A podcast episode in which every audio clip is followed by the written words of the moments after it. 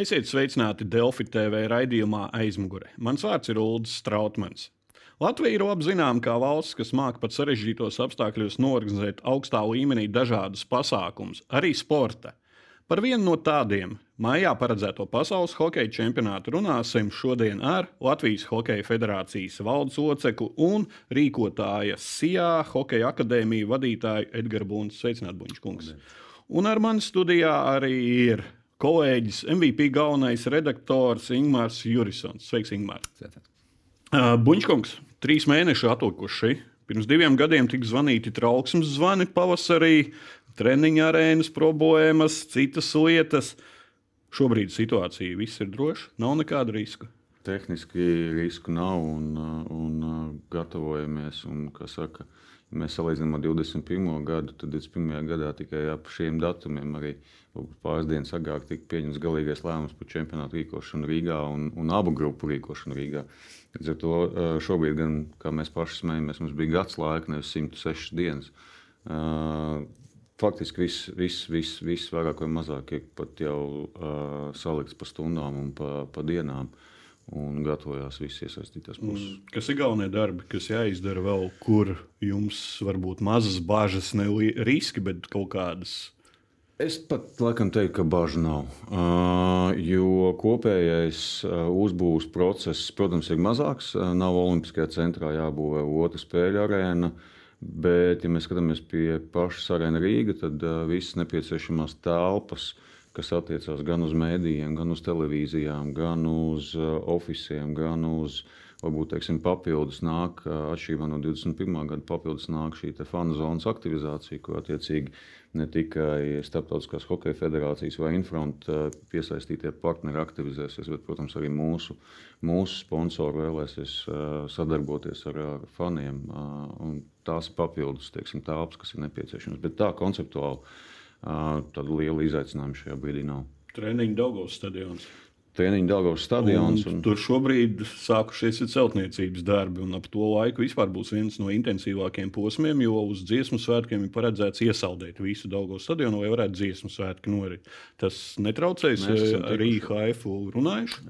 Mēs esam ar IHF runājuši, bet šī gadījumā svarīgāk ir runāt ar pašu Dāngavas stadionu. Esam tikušies ar Dāngavas stadionu vadību, esam kontaktos šobrīd, un tā skaitā arī ar valsts policiju kas palīdzēs mums organizēt transportu no Rēna Rīgas uz Dārgos stadionu attiecīgi treniņiem. Jo loģistika tiek paredzēta līdzīga kā 21. gadā, respektīvi, komandas no viesnīcas dodas uz Arēnu Rīgu, pārģērbjās un tad ar plašāku Rīgas satiksmes autobusu dodas uz Dārgos stadionu, policijas pavadībā, tad atpakaļ. Tad attiecīgi uz viesnīcu. Tas, ka tas ir celtniecības objekts, tur viss ir tur viss ir saskaņots. Tur nebūs tā, ka būvnieki pateiks, hei, jūs te nedrīkstat braukt. Uh, grafiki un darba izpildes laiki ir uh, saskaņoti, un ar to mēs reiķinamies, kad uh, piekļūšana Dāngavai uh, tiks nodrošināta, un to apliecināja arī Dāngavas stadions. Okay. Ingmār, mūžīgais jautājums. Nu, rīkojam, pirms diviem gadiem jau rīkojam, tagad atkal rīkojam. Uh, šie sporta pasākumi parasti līdzjutējiem uzzem tādus uh, nevis šermuļus, bet tādas skepsi, vai mums vajag Latvijā tik daudz tos pasākumus sporta lielos. Bija prāts uzņemties pēc diviem gadiem atkal. Nu, vai vien rādīs uh, rezultāti, kā, kā beigsies čempionāts finansiāli un vispārējais. Bet, principā, jā, nu, globāli uh, uz šo jautājumu skatoties, tas varbūt nav pat tīri šobrīd par hokeju. Es domāju, arī vairāk, mums ir basketbols ļoti daudz uzņēmējs šādu čempionātu rīkošanu. Tas ir varbūt tāds.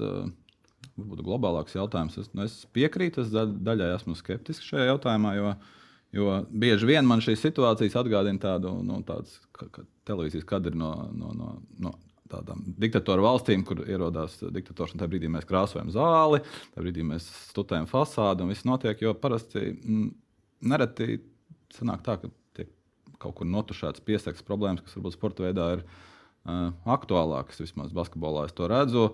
Par hokeju es arī pieņemu, ka jaunatnes hokeja ir pietiekami. Nu, ir problēmas, par kurām tiek daudz runāts. Mums ir Rīgas dīnāmo bez asins naudas ir izbeidzies vadošais klubs.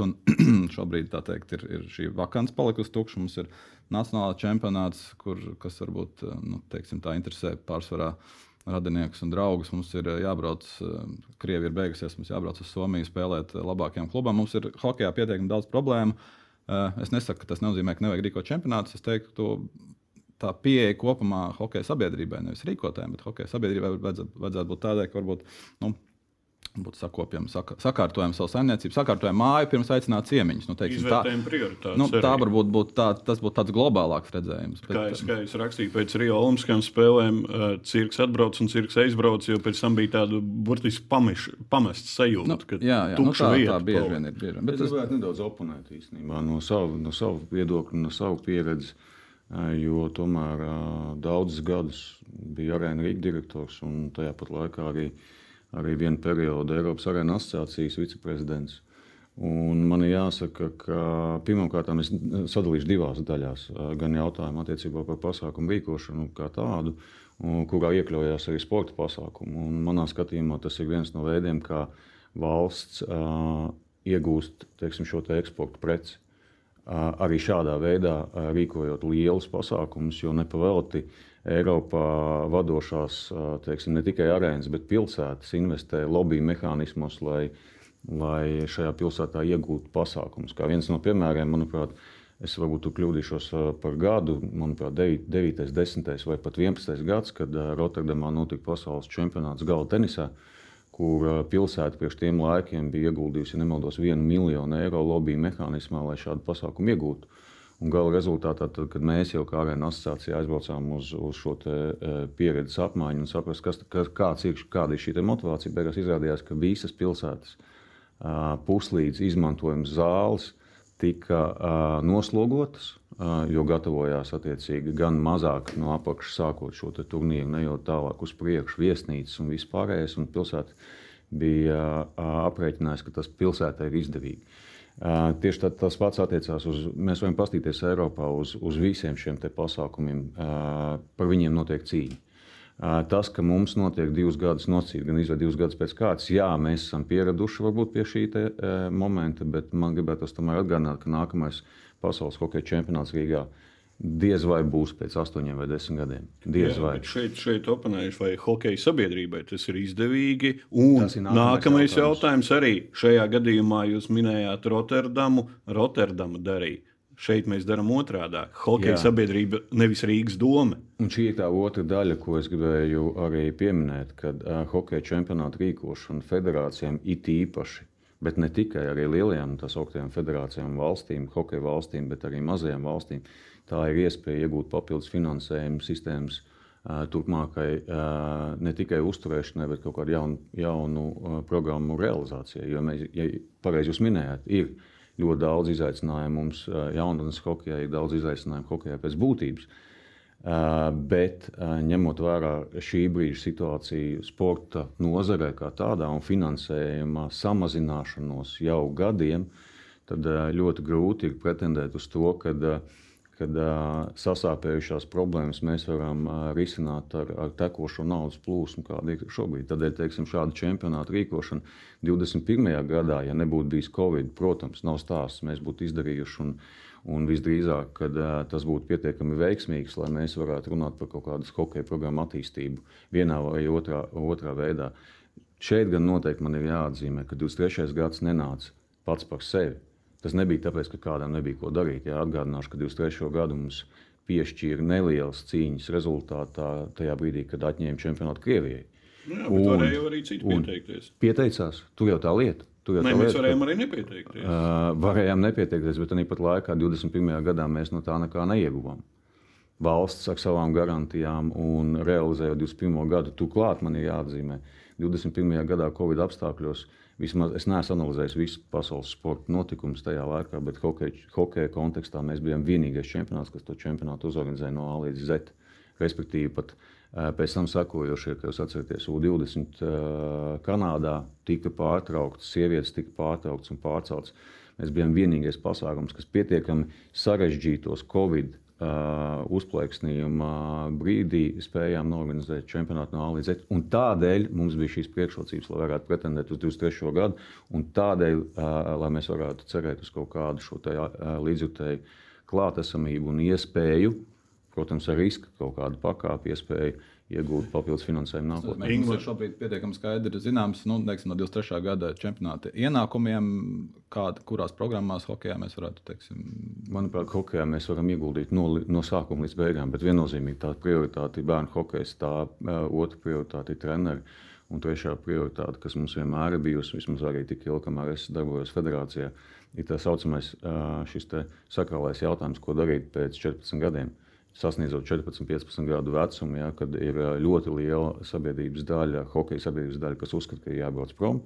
Uh, Tāpat laikā mēs, uh, darbojoties federācijā, vienmēr esam uzskatījuši un centušies uh, pierādīt to, ka kad neskatoties uz to, ka, jā, protams, labākos nenoturēs. Tieši tāpat kā jebkurā citā sporta veidā, basketbolā vai kaut kur citur, lielās sistēmas pārpērk vai pārvilina šos jaunos talantus. Bet, bet konceptuāli Latvijā ir jābūt jaunatnes sistēmai un ne jau pavēlēt arī savā laikā tikai uh, organizēt jaunatnes attīstības hokeja līgu. Mēs varam runāt par rezultātu, jēgu vai, vai, vai kā citādi. Bet, kā saka, ja tu pats nedarīsi, tad droši vien tavā vietā neviens cits arī nedarīs. Okay. Uh, viens no karstākajiem tematiem - biļešu tirdzniecība. Tas arī sasaucās ar šo te, ko abi kungi jūs minējāt, uh, finansēm, peļņa iespējamā un tā tālāk. Vai vispār čempionātu varētu arī nosaukt par izdevušos, tie ir līdzitēji tribīnēs. Un kā soks ar tirdzniecību? Uh, teikšu, kā ir. Es uh, paniku vai satraukumu šobrīd nejūtu un, un neizjūtu. Ja mēs runājam no, no finansiāliem cipariem, tad eh, šajā brīdī mēs esam sasnieguši aptuveni 35% no, no plānotā. Eh, jāatzīst, ka eh, šis process notiek pietiekami vienmērīgi un notiek vienmērīgi abās pusēs. Gan ja mēs skatāmies ārzemju līdzjutējus un salīdzinām ar Latvijas līdzjutējiem, nav tāda būtiska leciena leciens bija tieši tāpat, kā mēs vakardien runājām ar somu kolēģiem. Arī viņi palaiduši atsevišķu spēļu biļetes, un leciens bija pirmajās divās dienās, kad tiešām tie, kas bija gaidījuši atsevišķās spēles, tajā brīdī arī izpērka tās viņiem interesējošās vietas. Pēc tam šis te, uh, skaits nostabilizējās un caurmērā ir, ir, ir, ir vairāk vai mazāk viens skaidrs. Sajūtas, kā ne kā žurnālistam, bet kā līdzjutējam, dzīvojot sev apkārtnē, arī sporta līdzjutējs daudz runā ar viņiem un sociālajos tīklos redzi šos uh, viedokļus. Kāds tev ir radies priekšstats tā no ārpuses, neiedziļinoties faktos? Jā, es tiešām cipars nezinu. Uh, varbūt nav īsti mans burbulis, bet uh, tādu baigo ažiotāžu pagaidām nejūtu. Iespējams, ka vēl ir, vēl ir laiks, un cilvēki mēdz izdarīt tādus pirkumus varbūt pēdējos brīžos. Bet es atkal varbūt bišķiņ skeptiski, bet uh, nu, man vispār kopumā man liekas, mēs mazliet pārvērtējam Latvijas uh, hokeja fanu um, nu, vai sporta fanu. Burbuli, nu, nē, nu, es pat teiktu tā, nu, mēs bija savulaik vēl slavens sauklis par to, ka labākais eh, fans pasaulē ir uh, hockey fans.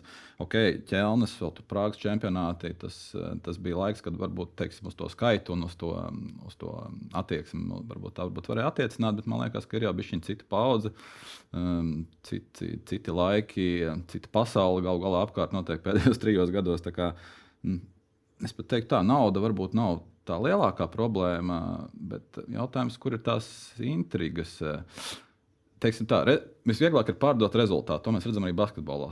Izlase sāk spēlēt, arēna ir pilna. Hokejā man liekas, tā sajūta, ka mm, Latvijas izlases rezultāts jau ir zināms pirms čempionāta. Nu, lielās līnijās 25 gadi mums to ļauj pateikt. 3 reizes 7. vietā. Mēs zinām, kur 8, 12, 7, 13 nu, maksimums, nu, teiksim, tajā posmā.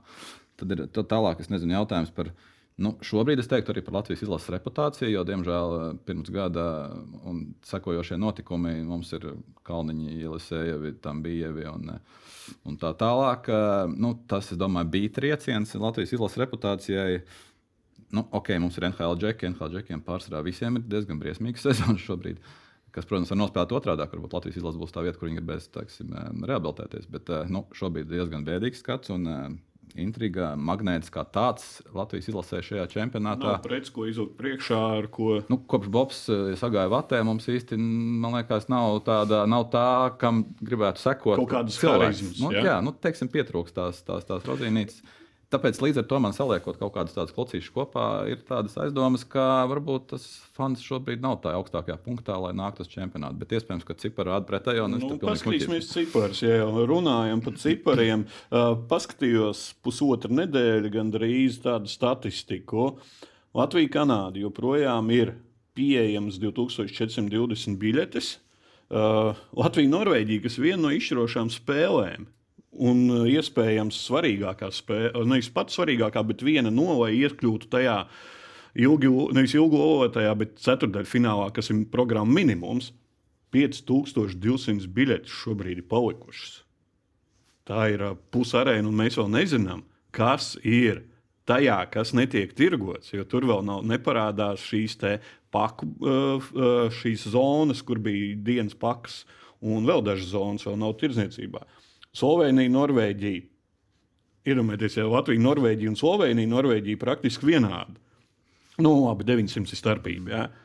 Slovākija, Čehija. Laikam, nu, Čehija ir aži, ažiotāžu uztaisījuši, bet, ja mēs skatāmies, ka Slovākija, Čehija tikpat daudz, cik uz Latviju, Kanādu, kas ir atklāšanas spēle, nu, man raisa skepsi.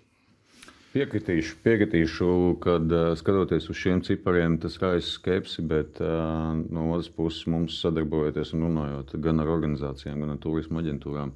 Un, uh, zinot teiksim, šo te fona informāciju, es, es pateicu, teikt, ka es ne, nebūtu satraucies, un šie skaitļi noteikti būs, būs uh, citādāki. Jo, jo ir jāreikinās jau arī ar šiem Covid, COVID laika paradumu maiņām. Un, Un to nu, apliecināja arī, nu, arī, arī, arī, arī to, ko mums Somija teica attiecībā. Piemēram, šeit maz parādās Šveices informācija, bet, ja mēs runājam par Šveices līdzjutējiem, tad Somijas no savas puses arī apliecināja, ka šveicieši, līdzīgi kā latvieši, ļoti daudz brauc un uz vietas pērk biļetes. Protams, ka mums, kā organizatoriem, cerēt uz to iepriekšējā dienā, kad varbūt tomēr kāds šveicietis atbrauks.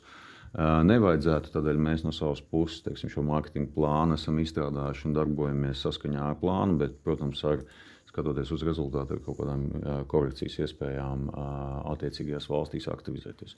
Ja mēs runājam par latviešu līdzjutēju, to, ko jūs pieminējat, es arī droši vien piekrītu, un lielā mērā tas ir paudžu mājiņu vispār sportā kopumā. Rezultāts, protams, pats par sevi, kā es saku, vēl viens aspekts ir konflikts sporta laukumā. Ja, tad, tad, šie derbiji vai, vai, vai šie pozitīvie konflikti, kas veicina cilvēku atbraukšanu, bet arī pat laikā dati par Helsinkiem un Tamperi, respektīvi 22. gadu, apliecina, ka tur bija gandrīz 5000 latviešu. Nu jā, bet paskatīsimies tagad uh, Somijas, Vācijas spēli. Biļetes Tamperē, nu, dažas biļetes ir, Tieši un pie tā. tam vēl dārgākās. Tieši tā, un par kādu naudu? Nu, kāda nauda ir konceptuāli Tad varbūt, varbūt tomēr konceptuāli mums vajadzēja vietējiem līdzekļiem lētākas biļetes uz vietējiem. Redziet, te ir tā situācija, kad, kad mm, kopējā matemātika, diemžēl, tieši tāpat kā fizika, dušana apmānīt ir ļoti grūti. Un, ja mēs rēķinamies ar, ar tādu stabilu pieejamām biļetēm, aptuveni 6000 ja mēs rēķinamies un skaitām visas izdevuma pozīcijas kopā, tad tā matemātika, vingrojot uz priekšu vai apakaļ, tomēr nosaka šīs biļešu cenas gala rezultātā. Un, un tas, ko mēs izdarījām, varbūt papildus, tomēr uh, sadalījām šo te. Uh, komandu grupās, šīs astoņas komandas, četrās, uh, četros grozos, nosacīt, pieņemot, ka Šveices līdzjutējs ir visaktīvākais, un tas arī šobrīd ir apliecinājies. Uh, viņiem piešķirot teiksim, savu veidu mājas, mājas komandas šī, šī, šo statusu. Un tādēļ vingrojot ar šīm cenām un mēģinot atrast tādu optimālāko risinājumu, gala rezultātā nonācām pie šī. Īmā šie skaitļi, ko jūs parādījāt, nu, man liekas, ka man personīgi uzzina skepsi tev. Nu, Izstāsta aizdomīgi. Nu, To man liekas, visi šobrīd pie galda atzīst. Jautājums ir par to, kā mēs redzam nākamos mēnešus, un tur varbūt var atšķirties redzējums. Eh, es varbūt varu piekrist, ka droši vien tas Covid laika paradumi ir tādi, ka mēs visu atliekam uz pēdējo brīdi. Mēs vairs nepērkam avio biļetes gadu uz priekšu, mēs pērkam avio biļetes maksimums varbūt mēnesi uz priekšu. Bet, eh, vai tas atsaucās arī šajā gadījumā? Nu, pastāv liels risks. Es tev, tur atkal es tev piekrītu. Pastāv liels. Es uh, oponēšu jums abiem par šo biļešu pirkšanas un tā tālāk. Es runāju ar cilvēkiem, kuri šajā sfērā pasākums pērk kā nekad. Pasākumi jau ir izpirkti maijā, jūnijā. Ir izpirkti kultūras un dažādi pasākumi. Nepiekritīšu. nepiekritīšu. Uh, okay, tad ir jāiet cauri statistikai. Kaut, kaut vai piemērs, uh, labs piemērs pats nāk no Jālgavas. Uh, piemērs prāta vētras uh, turnīra pagājušajā gadā. Uh, prāta vētra faktiski notirgoja. Es nezinu par pārējiem, bet manuprāt, tendence ir līdzīga. Es neesmu runājis ar prāta vētras menedžmentu detalizēti, bet uh, Jālgavas koncerts tika pārdots pēdējās divās nedēļās. Uh, Ok, ejam tālāk. Uh, Somijā tirgošanu nodrošina lielākais servis, daudz gadu pieredze. Latvijā tirgošanu nodrošina kompānija Pasportiks. Uh, nu, tirdzniecības biznesā maz zināma. Uh, kā izvēlēties šo partneri? Pirmkārt, tas, šis partneris jau, jau vairākus gadus strādā Hokeja federācijā, otram kārtām uh, Viņi ir pārstāvji Vācu biļešu tirdzniecības sistēmai, kas attiecīgi apkalpo Vācijas Bundeslīgu un, un, un Eiropas, Eiropas sportā ir pietiekami pazīstama sistēma. Tādēļ līdz šim šī sadarbība bijusi pietiekami veiksmīga un finansiāli. Uh, nu, tā, jūs runājat par sistēmu. Uh, Nevis par kompāniju. Es runāju par kompāniju. Nevis par sistēmu, kurš var nopirkt, eh, noka, eh, novilkt eh, šo te softu un uzlikt. Var, pietiekami sarežģīti. Var, var pietiekami samaksāt licences summu. Jā. Kāpēc es jautāju, vai bija kāda cena aptauja? Protams. Ne tikai cena aptauja, bet arī, arī pakalpojumu. Šī, šī bija lētākā. Šī Viņi bija piedāvāja... visoptimālākā. Optimālākā vai lētākā? Visoptimālākā. Uh, kāda atšķirība? Cik daudz? Mēs runājam par procentu daļām. Mm, viņi piedāvāja mazāko procentu no komisijas. Nē, es vēlreiz saku, viņi nebija lētākie, bet uh, optimālākais risinājums mūsu situācijā. Un, un kurām Latvijas kompānijām jūs piedāvājāt? Mēs esam runājuši gan ar biļešu servisu, gan ar biļešu paradīzi, gan ar ēkas. Uh, un, un šeit ir tas moments, ko, ko jau es arī iepriekš minēju. Uh, Ne katrs no šīm sistēmām var nodrošināt šīs kritiskās funkcijas, kas ir nepieciešamas. Jā. Pasaules hokeja čempionātā. Kāpēc es tā jautāju? Jūs teicāt, ilglaicīgs partners. Apskatāmies ekrānā. Augšā dibināšanas gads. Mm -hmm. Kompānija ir Igaunijā, darbinieka neviens, mm -hmm. kapitāls vispār mazs.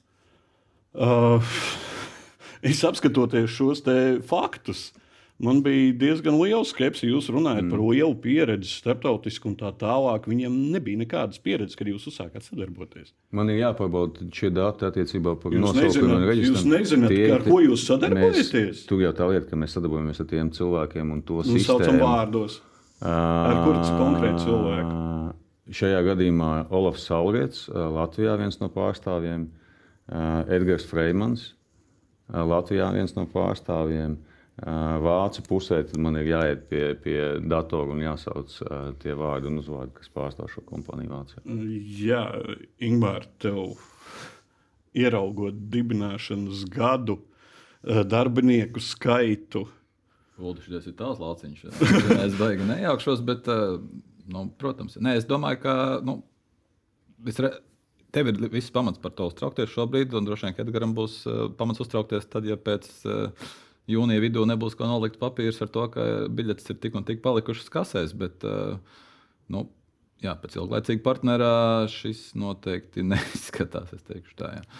nu, droši vien, ka tas ir, eh, es pieņemu, ka tas ir jautājums par eh, pazīstamiem cilvēkiem un, un kaut kādu savstarpēju uzticību šajos jautājumos, nevis par eh, kaut kādiem biznesa lēmumiem. Iespējams, ka tā. Jā, bet šajā jautājumā nevajadzēja tomēr izvēlēties cilvēku, kurš ir jau biļešu tirdzniecībā bijis. Olofs Saurēts šajā jomā nav darbojies.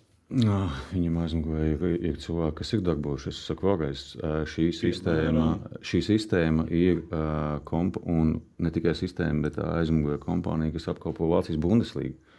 Un šie risinājumi, šeit ir vairāk kritiskie risinājumi, kas attiecās. Un ko, diemžēl, laika pa laikam mēs redzam, Latvijā nevar nodrošināt. Tā ir noturība pret ārējiem apstākļiem, tā ir drošība. Un trešais ir šie dažādie risinājumi attiecībā uz dažādām zonām, kā piemēram ložas, uh, VIP klienti un, un līdzīgi pasūtījuma sistēma, kas daudzām no, no Latvijas minējāt šo kompāniju. Jā, mēs varam apskatīties šeit līgumā rakstīts, šī ir Vivenu zināmā VPN servis, jā. bet tur ir skaidri un gaiši. Viņi tikai providers, kas nodrošina platformas, software, soft saucamo, ja, un, un tā tālāk. Pārējo visu nodrošina šī kompānija. Ja. Pas Sportiks, kura paskatāmies, kāda viņa mājaslapa ir. Hmm burvīga mājaslapa. Bet viņi pat laikā viņi tirgo arī, kā jūs redzat, ne tikai, ne tikai viņu pasākumu. Viņiem, pasākumu, jā, viņiem ir trīs spēles futbolā un viens rallijs bijis pagājušo gadu. Veseli četri pasākumi. Ieejam viņu mājaslapā, kur ir uh, datu aizsardzības programmas uh, jābūt. Paskatāmies. Šī galīgi mm. neizskatās pēc mm. interneta mājas biļešu servisa lapas. Piekritīs? Jā. jūs tādu partneri izvēlaties, jūs neskatāties? Es, es saku vēlreiz, uh, tas, ka viņu pašu mājaslapa un viņi paši nav aktīvi, lai uh, tirgotu pasākumus, ir viens stāsts. Tas ir viņu biznesa pieņemtais lēmums. Tā ir jūsu iesa... reputācija. Viņi nekur citu netirgo. Jā, jā bet ja biļešu, biļetes tiek tirgotas caur IHF mājaslapu. Jā, tāpēc, ka tur uh, viss ir bijis. Līdz ar to svarīgākais šajā kopējā bildē, man pašam arī svarīgākais ir, lai šīs biļetes tiek tirgotas kvalitatīvi, lai es būtu pārliecināts par to, ka viņi spēs noturēt uh, vajadzīgos uh, internetu uzbrukumus, uh, pieprasījumu daudzumu, ne tik daudz orientējoties uz to, vai šī specifiskā uh, kompānija pati e, tirgo biļetes vai netirgo. Kā jūs izvērtējat, vai sadarbība bijusi veiksmīga ar kompāniju, kurai nav, bij, nav neviena darbinieka un e, reģistrēta Igaunijā, līdz ar to arī nodokļi aiziet uz Igauniju daudzi? E, kā jūs vispār izvērtējat? Es saprotu, ka kvalitāte, kvalitāte tikai kvalitāte, nevis protams. kā ir notirgots. Cik veiksmīgi? Biļešu tirgotājs jau šo biļešu tirdzniecības rezultātu ietekmē pietiekami minimāli. Un tā nu, iemesla pēc es esmu dzirdējis, Olofs Saurēts arī palīdz kaut kādā ziņā. Protams. Nu, ar šo ar, stratēģiju un vispār. Ar pasākumu, ar pasākumu. Nē, ja jūs runājat par mārketinga stratēģiju. Nu, kaut nē, kādām nē, lietām par biļešu tirdzniecību. Noteikti nē. nē. Uh, Olofs Saurēts palīdz ar savu pieredzi būdams pasākumu rīkotājs. Jā. Uh, tad jūs izvērtēsiet pēc čempionāta. Veiksmīga sadarbība, neveiksmīga. Iepriekšējā, jo es saku, man neraisa. Kā jau minēju, šajā gadījumā pats būtiskākais un, un, un svarīgākais būs droši vien tas moments, vai, vai čempionāts tiks uzorganizēts ar, ar, ar plusu vai mīnusu. Un uh, biļešu tirgotāja platforma tā ir viena no uh, aspektiem, kas varbūt arī vajadzētu vērtēt. Tas jautājums. Domāju, daudz citas lietas. Jūs pats, Bunča kungs, neesat nekādīgi saistīts ar šo pasportiks? Nekādīgi neesat. Nekādīgi, pilnībā. pilnībā. Nekāda ieinteresētība finansiālā nav. Absolūti nekāda. Ok, ticēsim, jo Olus Saurēts, piemēram, jūs apskatījāties viņa biznesa darbību un cik uzņēmumi ir likvidēti? Jā, protams, es viņu pazīstu cik, kopš 2005. gada. Es neesmu detalizēti skatījies, bet es eh, šo cilvēku pazīstu kopš 2005. gada, kad es nu, sāku būt ieskatieties Ursoftā, ieskatieties Ursoftā un painteresēties apkārt, Labi. cik kompānijas ir likvidētas, mainītas un vispārējais. Iesaka apķīlējumi, starp citu, šobrīd joprojām aktīvi apķīlējumi un tā tālāk. Ja? Labi, tā kā va, eh, reputācija taču ir svarīga, kad izvēlās sadarbības partneri. Nu, tā tam vajadzētu būt. Jā, noteikti. Nu, es saku, šobrīd uh, hokeja sabiedrībā ir tik daudz uh, reputācijas riski un problēmas, kuras mēs uzskaitījām, ka uh, tam būtu jābūt dubultā svarīgi, lai nerastos šāda veida skandāli un šāda veida skepsi cilvēkiem. Tā kā, nu, jā. Vai vēl vairāk skepsi tas, ka šī kompānija latviešu kompānija ir reģistrēta Igaunijā, bet mēs ejam pie valsts un prasām naudu, un Rīgas pašvaldības prasām naudu, bet tajā laikā pastarpināt nodokļus maksājumiem. Ieslēgsies tā atbildība, un ja, ja, ja pēc tā čempionāta rezultāti tiešām nebūs tādi, kādiem cerēts, tad tai atbildībai būtu jābūt arī ne tikai noplātīt rokas un pateikt, nu, rekām nesenāca. Tur droši vien būs jāanalizē iemesli. Un, nu, šis ir viens no lieliem riska faktoriem, kas varētu būt izskatīts kā iemesls. Okay, man liekas, ka šī nav pēdējā reize, kad tiks runāts par pasaules čempionāta biļetēm, vēl līdz pasaules čempionātam, un iespējams vēl pēc čempionāta. Noslēgumā vēl viena tēma ar hokeja čempionāta saistībā - tā ir Latvijas izlase. Buņškungs, tagad es pie jums kā Latvijas Hokeja Federācijas valdes locekļi vēršos. Pagājušā vasarā liela ažiotāža jau Ingūna pieminētā gadījumi ar uh, hokeja došanos uz ārzemēm. Uh, uz Krieviju, precīzāk, es atvainojos, jā, bet ir ārzemes, jā, par šo asiņaino naudu. Skaidrs, šiem hokeistiem un speciālistiem ceļš uz Latvijas izlasi ir slēgts. Bet joprojām gaisā karājās viens jautājums - Miks Indrašs. LHF diezgan mierīgi to visu noērēja un teicāt, ka tiksieties ar hokeistu, un tad netikāties. Beigās, iespējams, varbūt neformāli vai zūmā. Es nezinu, kas tur, tur notikās, un beigās hokejs pārceļās uz Vāciju. Bet tomēr oktobrī diezgan tāda odioza personība kā Gunārs Pastejs skaidri pateica, ka Indrašam bija līgums ar Maskavas Spartaku un paklausīsimies. lai, lai viņš pats ar savu galvu tiek galā.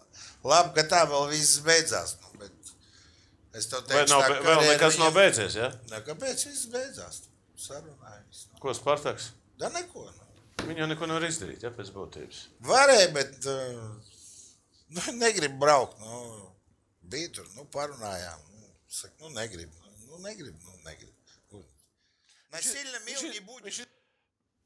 Gundars pārstāja atklāti pasaka, ka Mikam Indrašam bija vienošanās ar Maskavas Spartaku. Jūsu viedoklis par izlasi? Manā, manā skatījumā, ja šāda vienošanās ir bijusi, protams, kad, uh, uh, tas ir pārkāpums, un tas ir šis morālais pārkāpums, varbūt vairāk nekā, nekā juridiskais pārkāpums. Bet, uh, lai es spriestu, man tiešām uh, būtu jā, jārunā ar Miku. Man ir uh, viens, ko saka Pastas kungs. Uh, Otrs, mēs zinām arī Miku viedokli. Un vismaz esam dzirdējuši oficiāli, e, pats es ar e, Miku par šo tēmu neesmu runājis. Un, un droši vien sākoties, vai otrādi beidzoties regulārai sezonai un, un, un, un čempionātiem, kur viņi spēlē, un tagad uh, puiši būs šeit Latvijā. Mikls ir viens no tiem cilvēkiem, ar ko jārunā. Pasas kungs turpinājumā šajā sarunā atklāti arī pasaka, ka viņi vienkārši sēdējuši ar Indrašu un bijis burtiski piedāvājums, un Indrašs ir piekrītis. Tad uh, kurš Indrašs nestāsta patiesību. Grūti teikt. Grūti teikt. Grūti teikt. Runāsiet ar abiem iesaistītiem, jo Gunārs Pats joprojām darbojās ap Latvijas hokeju. Nu, un vilina hokejs uz Krievijas, starp citu. Nu, tā varētu būt. Es neesmu runājis ar, ar Pastī kopš uh, Dienāmo uh, darbības pārtraukšanas. Un, uh, un, uh, Var jau runāt arī ar abiem, bet, bet mūsu gadījumā droši vien ir jāsaprot uh, paša sportista attieksme un paša sportista izvēlētais uh, ceļš. Uh, un, un, no, un domājās. mēs dzirdējām, ka izvēlās pat kara laikā vispār izskatīt jautājumu par Maskavas Spartaku. Un šeit, Ingūna, kā domā, tas ir slēptais, notušētais līgums. Nu, viņš kaut kāda ētiskās normas ir tomēr.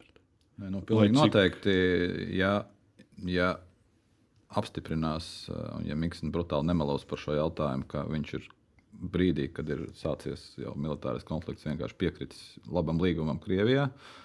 Manuprāt, vispār nevar būt nekādi jautājumi. Tas ir, nu, tas ir tā ir sarkanā līnija vispār kvadrātā. Tur ir izrakts grāvis un uzcelts mūris un viss pārējais. Es nedomāju, ka kāds no šiem spēlētājiem, kas flirtē, kaut vai flirtē domās vai vārdos ar, šiem, ar šādu iespēju, jebkad būtu jāaicina Latvijas izlasi. Jo, uh, nu, Latvijas izlase, Latvija un Krievija šobrīd, manuprāt, ir tik ļoti pretējās nometnēs, pretē, pretējās, pretējās pasaulēs, pretējās vispār civilizācijās un izpratnēs par vērtību sistēmu, ka, ka pat pieļaut domu par to, ka šobrīd varētu braukt pelnīt naudu uz Krieviju, tas, manuprāt, ir tabū Latvijas izlasē. Es nezinu, tas būtu, tam būtu jābūt treneru lēmumam par, tre, par galveno treneru personību šajos jautājumos. Uh, Arī nav tik liels pārliecības, ņemot vērā viņu vēsturi, bet uh, es domāju, ka Hokeja federācijai šeit būtu jābūt ļoti stingram vārdam par to, ka ir melns un balts šeit pelēkā nav. Buņķkungs, aktualizēsiet jautājumu aprīlī, kad tiks runāts par kandidātu sarakstu. Protams.